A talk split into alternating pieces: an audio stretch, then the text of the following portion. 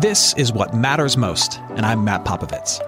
Look, life is crazier than ever, and lots of people, maybe even you, are feeling anxious and overwhelmed. Today's message is designed to help you figure out what's most important and to experience the peace and joy that God intends for you. Because life is a gift, and it shouldn't be wasted on worry. I'd like to give you a resource, something to help you navigate the road ahead. Just go to mattpopovits.com, click on the icon, and we'll send it to you. That's Matt, P-O-P-O-V-I-T-S dot com. And hey, if you happen to live in the Houston area, I'd love to see you on a Sunday morning at St. Mark in Spring Branch. Head to stmarkhouston.org to plan your visit. Here's today's message. Thanks for listening. Well, tonight we're going to continue in this conversation and talk about how often when we try to fulfill that longing through things that aren't a relationship with God, we end up creating a bit of trouble for ourselves the roads that we wander down, the things we chase after in order to fulfill that deep sense of longing that we have, can leave us not just lacking, but can leave us wounded. After chasing down roads of pouring ourselves into work or into relationships or into our finances, thinking that if we just get enough money, that's going to fulfill us, whatever it is, sometimes we find ourselves in situations we never thought we'd find ourselves in. But tonight, we're going to talk about opening our eyes to the regrets that we have having tried to fulfill that longing in lots of wrong ways. There's a great American poet uh, from the uh, 19th century. His name's John Whittier. He, he wrote a lot. Uh, one of his uh, more well known poems is entitled On Regret. And in the poem On Regret, there is this, this great line. I think we have it for the screen. There it is. He writes this For all the sad words of tongue or pen, the saddest are these. It might have been. It can be argued, certainly by Whittier, that there is no more tragic feeling in the human experience than that of regret. To know that things could have been so much different or so much better, but you chose differently. To know that things could have been better, but you chose differently. In fact, that's one of the many ways in which Jesus describes hell. I don't know if you know this, but, but maybe you've heard the phrase weeping and gnashing of teeth. Jesus talks about uh, hell in those terms in one particular point in the Gospels, that it's an eternity of weeping and gnashing of teeth. The, the idea of weeping and gnashing of teeth was a first century idiom, a first century expression that was meant to convey deep, anguished regret. Jesus says that's what hell is like. It's that feeling where you go, oh, if only I'd done something different. It's that gut wrenching, teeth gnashing feeling for eternity. That's how Jesus describes hell. Here's how we're going to define regret tonight for our conversation. We're going to define it like this. For the sake of tonight's conversation, regret is the realization that what you're doing isn't working, where you are isn't satisfying, where you were wasn't so bad, and what you desperately need is a new beginning. Where you, what you're doing isn't working, where you are isn't satisfying, where you were wasn't so bad, and what you desperately need is a new beginning. That's our definition of regret for tonight. And that is absolutely the place where we find the prodigal son in tonight's conversation. Let me just reset Luke chapter 15, verses 16 and 17. Jesus, again, is telling this story, and he says this The son was longing to be fed with the pods that the pigs ate, and no one gave him anything. But when he came to himself, he said, How many of my father's hired servants have more than enough bread, but I perish here with hunger? So the prodigal son had had chased every urge, he had itched every scratch, he had lost every penny. He realizes, though, when he looks back, he had a really good life, but he let it go. He'd wasted everything. Now he'd made a mess of everything with his choices. That's where we find the prodigal son. And it's a good moment for us to just pause and try to apply this to our own existence and reflect when was the last time you felt some major regret? Where you felt that teeth gnashing, gut wrenching feeling of, oh, if only I could go back and make a series of different choices, I would. Things were good, now they're bad, and I wish I could change it all. When was the last time you felt that? What was the cause of it? Maybe you're in that place tonight. I don't know. Now, the, the prodigal son is in a bad spot for sure. Regret isn't a fun place to be in. But I want you to consider something for tonight's conversation. I want you to consider this. What if regret is not simply a, a, painful season of realizing how badly you've messed things up? What if regret is not simply a pain, but what if regret is potentially a gift? What if that deep, anguished realization of just how bad you've messed things up, how good things were, and how much you need them to change is not simply a moment of pain, but what if, what if there's the potential that regret is also a gift? Just go with me on this. Uh, look again at verse 17 if you can. Jesus describes the, the moment of the prodigal son's regret as, as coming to himself, which is kind of a strange phrase. It's a strange series of words. Uh, but that was an ancient Hebrew phrase associated with repentance, to come to oneself. We might say to come to your senses. It's, it's a way of saying he has, he has dropped all of his falsehoods, all of his pretensions, all of his, his self deception is gone, and he's seeing himself clearly for the first time in a long time. You see, part of journeying back to your father, so to speak, is, is seeing yourself with brutal honesty. Part of journeying back to the father is seeing yourself with a kind of cutting clarity where you, you come to your senses, you, you come to yourself, you realize who you are in all of the brutal truth. And that, that, that's a painful place to be. It hurts to be in that place, to see yourself with all pretenses and and all pretending gone away, but, but that's also a gift. And here's why it's a gift because in that moment where you see yourself with brutal honesty, the deception which has been your downfall is over. The delusion which has been your addiction is done. The weakness which has caused so many wounds for you is no longer being ignored. Your deepest needs are no longer being nursed and numbed by some unhelpful indulgence. You are done kidding yourself and you're finally seeing yourself. And that is a very painful place to be. We sometimes talk about it as rock bottom. It's a painful place to be, but it's also a gift. Because, like the like the soil that's been ripped open in a farmer's field, that's been tilled and ripped open. It's gone through a painful process, but now it's ripe for a new seed to be planted. Uh, like a cup that's been tipped over and spilled out. It is empty, it is knocked over, it is rolling around, but it is ripe to be picked up and filled with something better. Regret is a hard place to be, but it's also a gift. The question for the prodigal son, when he's in this moment of deep, anguished regret, realizing how, how much of a mess he's made of things and how much he needs his father's love, the question is, what is he going to do with the gift of seeing himself clearly? What will he do with the gift of regret? And that's a good question for you and I to ask as well, because gifts can be wasted. If you don't believe me, just go to a birthday party like with a three year old. Like a three year old who wants Paw Patrol instead of pants.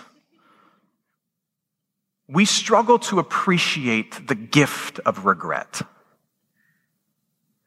It is a gift that we are quick to throw over our shoulders rather than hold in our hands and discover the blessing that it can be to us. So, what does the son do? What does the prodigal son do? He's sitting in this moment of, of deep regret. Will he appreciate the gift? And will he discover the blessing that it can be? Or will he, will he ignore it? Will he simply keep indulging in his activities? Will he, will he become apathetic and say, I've already ruined things this much? I might as well just sit here. I don't deserve anything better. I might as well just sit, well, sit here and just dig this hole deeper. What will he do? Well, let's take another look. Picking up at verse 17. When he came to himself, there's that phrase again, he said, How many of my father's hired servants have more than enough bread, but I perish here with hunger? Here's the key I will arise. I will arise and I will go to my father and I will say to him, Father, I have sinned against heaven and before you. I'm no longer worthy to be called your son. Treat me as one of your hired servants. And he arose. He didn't stay. He didn't throw a fit. He didn't wallow in apathetic pain. He didn't indulge in his self destructive behavior anymore.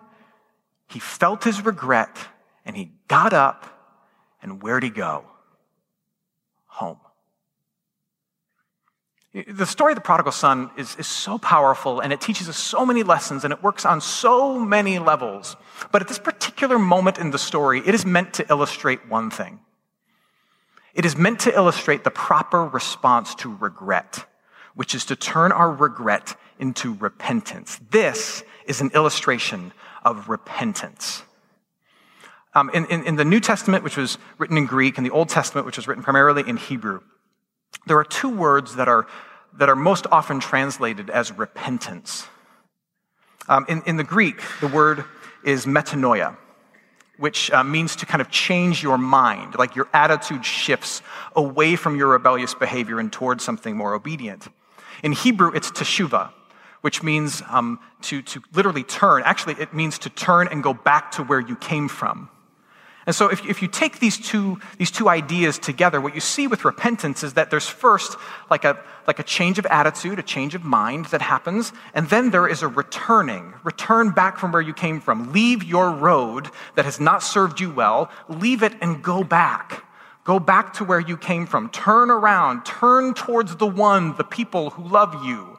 It's a change of attitude and a change of direction. And, and that's what we see the Son doing. Jesus is very purposely giving his hearers a picture of what repentance looks like.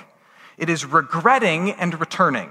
He regrets and he returns. He regrets and he returns. And that's repentance. Repentance is regret over sin and a return to your Father. Hey, friends, it's Matt. If you're listening to us in Houston and you're looking for an excellent education in a Christian setting for your student, I'm inviting you to take a tour of St. Mark Lutheran School in Spring Branch. We serve infants through eighth grade with an excellent faculty, brand new facilities, and a faith forward curriculum. To schedule your tour, head to gostmark.org. That's G O S T M A R K dot org to schedule your tour today. St. Mark Lutheran School. It's excellent education for your son, your daughter, your little one. Now, back to today's message. Perhaps this will help. Uh, this imagery has helped me in understanding what's going on when I feel regret and the need to return to the Father. I want you to think of your regret, that season of realizing just how much you've screwed things up and how, how badly things need to change, where you feel the distance between you and God. I want you to think of that, that season of regret, that sin. Think of it as a deep pit and a dark hole that you find yourself at the bottom of, that you've, you've dug with your own two hands and you've dug a deep hole, a hole too deep for you to see daylight out of, a hole too deep for you to see the face of God out of, a hole too deep for you to climb out of on your own, you are in the bottom of that hole. In the bottom of that hole, there is darkness. At the bottom of that pit, there is guilt, there's shame, there's anger, there's complication, there's drama in relationships, all flowing from the decisions and the choices that you've made. And, and regret is the moment when the lights turn on in the pit, the lights turn on in the hole, and you realize, oh, I'm, I'm, I'm in something deep. I'm in some deep pit here. And I, I can't get myself out. Regret is when the lights turn on in the pit and you say, oh, I want, I want out of this place. And, and for Christians, in, in our way of thinking about how God fixes that problem, this is where Christ comes in. In a sense, you could say that when we realize we've, we've dug this deep hole and the lights come on and we're filled with regret, we realize we can't get out of this hole and, and, and we, can't, we can't make our own way to the grace and the mercy and the goodness of God. Christ comes. And, and Christ is the one who, who fills that pit. Actually, you could think of him as like climbing down in and joining you in it. And he, he fills up that void. He fills it with his perfect life. He fills it with his, his punishing death, where he satisfied God's need for justice. He, he fills it with all the things in his life he was willing to do that you refused to do. He fills it with the difficulties and the punishments he's accepted that actually you deserved. And, and, and Christ so fills that pit that that, that you're kind of able to stand on Him. You're able to climb upon the person and the work and the truth of Christ. And when you stand on Him and you climb on Christ, you're suddenly able to like peer out of the pit and you can see daylight. Like your head is poking out of the hole of your guilt and your shame, and you're like, oh, I can see things now. But, but more than that, you realize that you're, you're not just poking your head out of that pit, you are standing on level ground and you look straight ahead and you can see the Father. Standing on Christ in the pit of your poor choices, you can see that you're now back on solid ground and you can see the Father. And when you look at the Father standing on Christ to the Son, you see that the Father is not mad at you. I mean, he could be, but he's, he's not. And he's not wagging his finger at you saying, I told you. He's not dragging you by the scruff of the neck, as some fathers are prone to do, and, and forcing you to peer into that hole because the hole is filled. The hole has somebody in it. Jesus is in it. Jesus has filled it. There's no hole to peer into and to rub your nose in. Instead, you look at the Father standing on Christ on level ground. You look at the Father, and He says, I love you. I forgive you. He's calling you home. And so you, you step off of the pit and you run to him. To have faith in Christ is to believe that because of Christ, you are out of the pit. You are standing on level ground and you can come running out because he has dove in. Some of us are here tonight and the lights are on in our particular pit. Like regret is in full swing. The lights are on in a very difficult financial situation that is of your own horrible doing. Or the lights are on in a series of, of messed up relationships through your own choices. What is it for you? Your opportunity, like the prodigal son, is to see where you are is to look around the pit, to see where you are, to notice that the lights are on, and see it not simply as, as an unfortunate situation, but to see it as a gift. But also, the reason you're here tonight is so that you can see that Christ is in the pit with you, and He's filling it up with all that He is. And He is able to lift you out of it so that you can see and feel and receive the love of the Father. So, what will you do with that? Will you, will you just stay there even though Christ is there with you and he can lift you out? Will you stay there? Will you keep doing what's not working? Or will you stand? And will you run to the Father? Now, again, you might, you might be saying, well, I don't know what that looks like. I don't know what that means. Like, what's his address? I'll put it in my iPhone. I think it means this. Here's what it means tonight, anyway. To run to the Father means to believe three words and to ponder one question. Let's put it like that for tonight. It means to believe three words and to ponder one question. Last week, and I thought this was brilliant on his part, Anthony brought up Pascal's wager, which was this, this famous idea that what do you have, basically, what do you have to lose to believe in God? What if you were to take the next, you know, 30 days, 40 days, whatever it is, and just live as if God actually is everything that the Christian story says that he is. That he's not only real, but he's, he's loving and he's merciful and he's forgiving. Uh, what if, even if you have doubts, even if you have fears, even if you have worries, even if you have real, real um, uh, reservations about the Christian faith, what if you were to just live for the next 30 days as if God really is who the Christian faith says that he is? I mean, what do you have to lose? You have, you have nothing to lose, everything to gain. That's the idea. But, but building on that, what if you were to leave this place tonight and you were, you were to choose to believe these three words You are forgiven? I know you might not feel it, you might not even totally grasp what that means. You, you, you might not have a lot of emotional weight behind that yet, but what if you were to just leave here and to choose to believe, despite all the reservations that you have, all the questions that you have, choose to believe, I am forgiven for all of it, every little bit of it. I am forgiven for it. And then ponder this question because I'm forgiven, what now should change? If I am forgiven and I have a, a, whole new beginning with this God, what, what now should change about, about the choices I've been making, the situation I find myself in?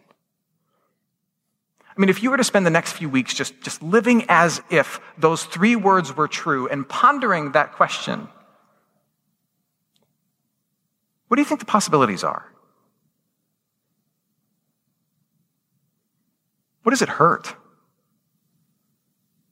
What could you gain? What could you lose? I want to end by, uh, by showing you a painting. I'm not the world's foremost art critic by any stretch. Um, but this is my favorite painting. This is called The Return of the Prodigal Son by Rembrandt. It's one of the final paintings that he did shortly before he died. When, uh, when my wife and I were fortunate enough to take a trip to uh, St. Petersburg, Russia, this was the one thing on my list that I wanted to do. I wanted to go to the Hermitage Museum in St. Petersburg, and I wanted to see this painting up close. And they have, I think it's the world's largest collection of Rembrandts. They have this, this huge wing just filled with them. Uh, and, um, but this painting, The Return of the Prodigal Son, this is the one that draws a crowd. Like crowds of people just sit in front of it and stare for hours. What strikes me about this, this painting is that, you know, you can see the father there welcoming the son, and the son has short hair. It's, it's almost as if he's, he's clearly ill, he's sick, he's, he's either had to shave his head or he's lost his hair. His clothes are tattered, he's, he's missing a shoe, he's, he's clearly destitute, and that stands in contrast to the father's rich robe, and the person to the right is the brother, his rich robe. So he's in contrast to the, the majesty and wealth of his father and his brother, and he's totally broken.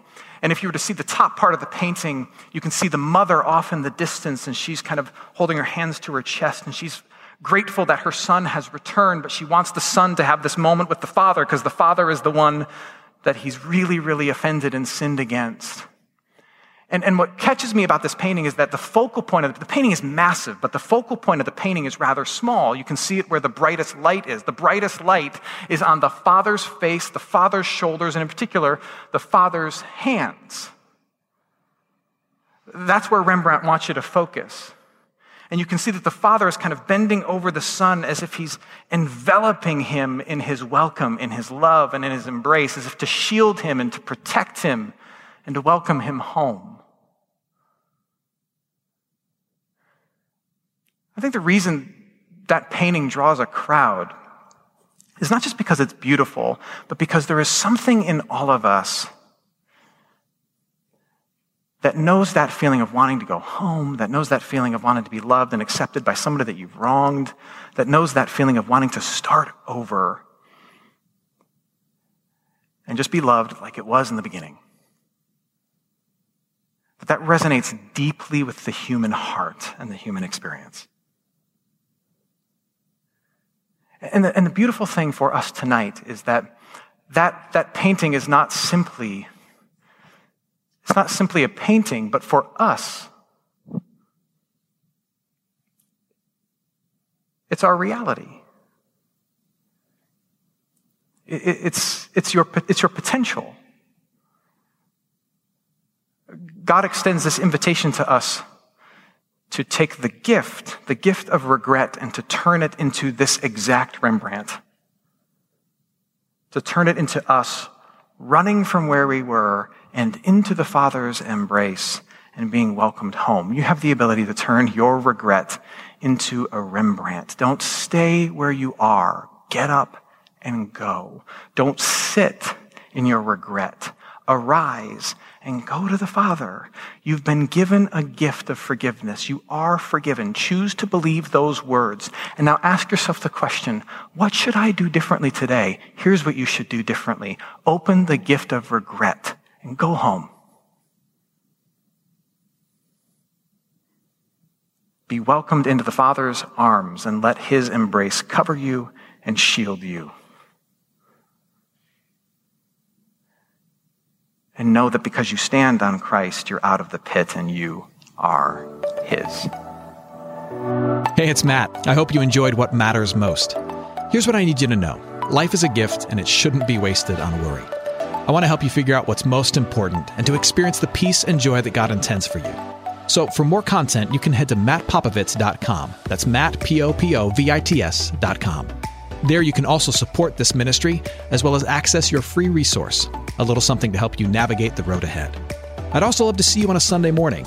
If you're in the Houston area, head to stmarkhouston.org to plan your visit. In the meantime, Hit me up on Instagram at mpopovits or at facebook.com slash Matt Popovits Ministries. Thanks for listening. Now go and hold tight to what matters most.